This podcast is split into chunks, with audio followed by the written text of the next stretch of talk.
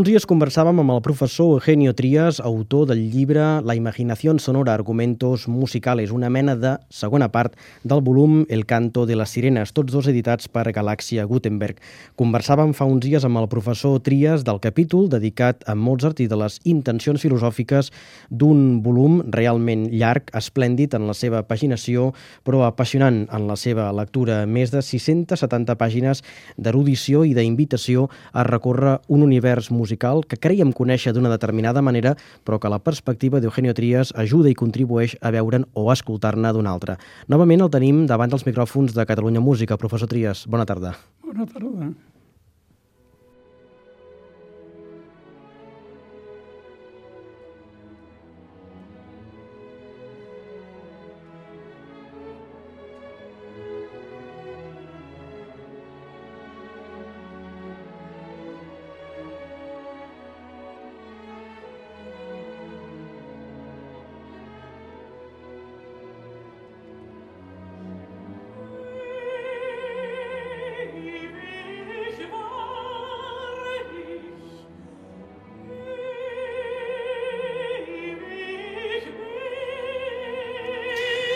Entrem ara, professor Trias, en l'univers wagnerià a partir d'una òpera com Siegfried, la segona jornada de l'Anell del Nibelung i la tercera òpera de la tetralogia.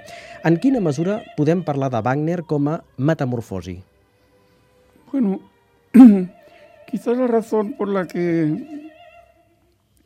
he leído, por así decirlo, la tetralogía a partir de un personaje, que es el de Brunhilda. Uh -huh. A Wagner siempre se situaba un poco el héroe Siegfried en el centro, y más en el centro todavía la figura de uh -huh. como, como el padre de los dioses, que un poco es el que aparentemente es el que lleva el control de los acontecimientos. Pero en realidad el personaje dinámico que introduce eh, drama y música, y sobre todo música, este es el aspecto que más me importa en la imaginación sonora, uh -huh. sobre todo el que introduce un poco la, el novum en el campo musical, eh, renovando el repertorio de óperas, de, perdón, de arias o canciones o de, de motivos conductores, es el personaje de Brunhilda. Él es un poco, consideramos, la reina de las transformaciones, uh -huh. las metamorfosis. ¿no? Eh, y con ella, evidentemente, toda la ópera. Por eso se llama una tragedia de la encarnación, uh -huh. porque evidentemente este, esta encarnación de Brunhilda en el mundo de los hombres y por tanto este abandono de, de, del, del mundo de los dioses, siendo como es y arrastrando por tanto al propio eh, Padre de los Dioses, al propio Wotan, porque él, ella no es sino su, su voluntad Sí. encarnada y materializada, pero tiene un aspecto que a mí me importa mucho y que es un novum en la tetralogía y un novum también yo diría en, en Wagner, o por lo menos no, con, con, la intensidad que le, y centralidad que da al tema, que es el tema de la compasión. Uh -huh. Solo por esto yo entiendo que, que Nietzsche estuviera rebotado con Wagner. Pero yo aquí me pongo del lado de Wagner, porque eh, compasión es compadecimiento, es por tanto sentir y padecer el sufrimiento de otra persona. En este caso, el de Sieglind uh -huh. y, y, Sigmund, Sigmund y Sieglind, los que serán padres de Sigfrido. Que són germans, en realitat. Sí. Que són germans. Sí, exactamente. Y que ella no está de acuerdo con las decisiones que ha tomado su padre por debilidad, eh, para un poco plegarse a los deseos de su esposa, de Fricka. Eh, y entonces, bueno, digamos, emancipa a esa voluntad que ella encarna, emancipa de las órdenes paternas y hace su propia guerra, que le llevará, por tanto, a esa escena conmovedora en la Valquiria, que es el abrazo de ella con su padre cuando uh -huh. lo deposita en el, eh, en, arriba de la montaña, rodeada por el, por el genio del fuego, sí. por Loge, y que bueno, desencada un, po un poco el, el, despertar en Siegfried, precisamente, el despertar de, de Brynhild, de Brynhilda el despertar eh, es también eh, una provisión de melodías extraordinaria que nutre un poco lo mejor el final del, del último acto de Sigfrido y que se prolonga también en el, en el caso de los nivelungos hasta llegar hasta el final. Por tanto, yo creo que es una figura clave y es un poco la que me orienta en la interpretación que propongo de la tetralogia. Uh -huh. L'Anell del Nibelung és una mica com, com el Faust de Goethe, una obra de tota una vida. Eh, potser per això vostè eh, s'atreveix a trobar-hi desigualtats qualitatives no? entre les quatre obres que conformen la tetralogia? Sí, por, pero bueno, por razones, por otro lado, muy documentadas de, de cambios de, de eh, 10 años, no me acuerdo sí. la cifra exacta, en que Wagner no toca la partitura, luego transformaciones del propio Wagner, uh -huh. hablando de transformaciones, el propio Wagner cambia su concepción del mundo. Siempre era muy importante en Wagner esa concepción del mundo, que al principio de la tetralogía pues estaba imbuida de ideas revolucionarias, con gran influencia sobre todo de Ludwig Feuerbach, sí, sí. posiblemente un eje cercano pues a, a, a Bakunin, que era amigo suyo, uh -huh. a Karl Marx, que se, no se sabe si lo llegó a leer o no, el manifiesto comunista es posible que lo leyera. Pero bueno, en todo caso, el, el anillo, el, el, comienzo de la ópera, el prólogo, el del ring, está llena de, de, de, te, de temas, eh, eh, pues un poco del ambiente fabril, de los nivelungos, el, la, la percusión enfervecida, pues de, de, que un poco mimetiza las formas de trabajo, uh -huh. la acumulación primitiva.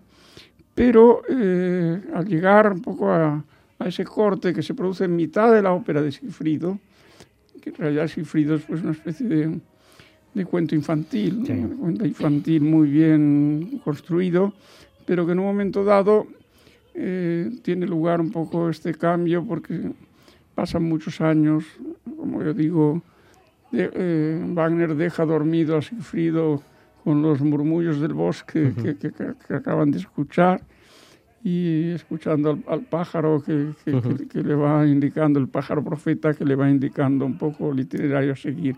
Pero bueno, lo deja allí dormir y luego lo despierta cuando él ya ha cambiado y mantiene un poco una visión mucho más pesimista del mundo, mucho menos humanista, digamos, de humanismo revolucionario, más cercana un poco al mundo de Schopenhauer, uh -huh. que entre tanto le, Què pensa Eugenio Trias de muntatges com els de la tetralogia que han incidit precisament en aquesta dimensió, podríem dir, eh, marxista o protomarxista de l'anell del Nibelung? Estic pensant, per exemple, en la cèlebre escenografia o posada en escena de Patrice Chéreau eh, a Bayreuth amb direcció de Pierre Boulez, que va revolucionar els mateixos fonaments de Bayreuth, però que després es va veure com una de les posades en escena eh, canòniques d'una obra com l'anell del Nibelung. Pues yo estoy muy de acuerdo en, en esta escenografía escenografía porque responde plenamente a, a la coyuntura cosmovisional en que Wagner se encontraba uh -huh. y un poco las percepciones. Y bueno, el, yo no la he podido ver en directo, pero sí a través de, de DVDs uh -huh. y realmente es muy conseguida. ¿no? En general las producciones de Boulez, de Pierre Boulez son extraordinarias. Creo que es uno de los mejores intérpretes.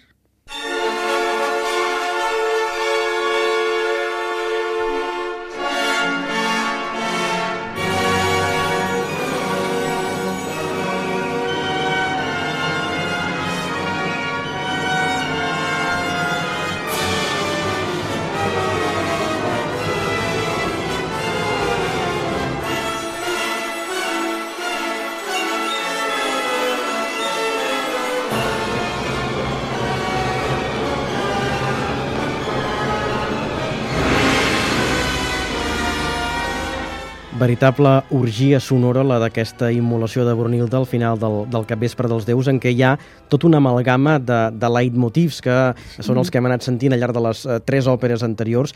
És molt interessant, professor Trias, el seu discurs, precisament, o jo trobo molt interessant, el seu discurs sobre el leitmotiv, del que vostè diu, i torno a citar textualment de la imaginació sonora el següent.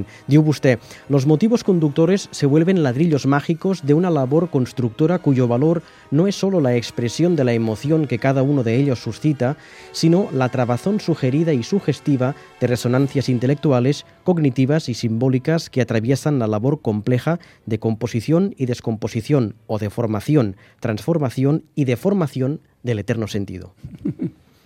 Sí, bueno, es un poco uno de los aspectos que más he insistido en este ensayo.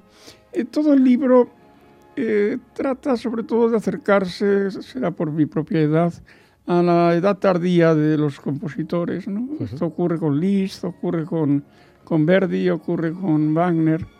Y eh, en ese sentido, en el caso de Wagner, también con Beethoven, Mozart. Yo, en el caso de Wagner, yo subrayo este cambio que se produce en, en, en el crepúsculo de los dioses, del sentido que tenían los motivos conductores hasta, hasta entonces, que eran más descriptivos o más emblemáticos, ¿no? casi un poco dando razón a, a lo que a las ironías que señalaba Debussy, ¿no? Uh -huh. como después de puestos de, de puestos de tráfico. Sí. Pero en realidad, en realidad son piezas, ladrillos mágicos, como digo, uh -huh. de una nueva concepción de la armonía que se desarrolla sobre todo en esta, este último Wagner, el del Crepúsculo, y sobre todo será también el del Parsifal, que es un poco su gran testamento, ¿no? en donde el motivo conductor asume otro papel.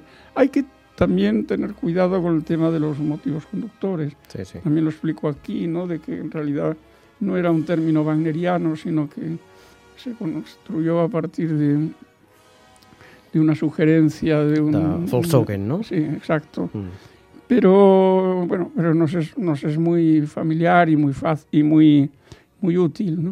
Mm. Pero bueno, yo he querido insistir mucho en esta especie de cambio de sentido que tienen los motivos conductores, sobre todo en la partitura del último, del último, de la última pieza de la tetralogía, que para mí resulta desde el punto de vista, yo diría, musical, quizá la més, la més sugerente i la més interessant. Doncs ho deixem aquí amb aquesta segona lliçó de les impartides pel professor Eugenio Trias. Gràcies novament per aquesta no, nova a ustedes, incursió. Aquí. Gràcies per aquesta imaginació sonora i tornarem en un proper capítol en què parlarem de l'òpera italiana. Professor Trias, bona tarda i moltes gràcies. Bona tarda, moltes gràcies.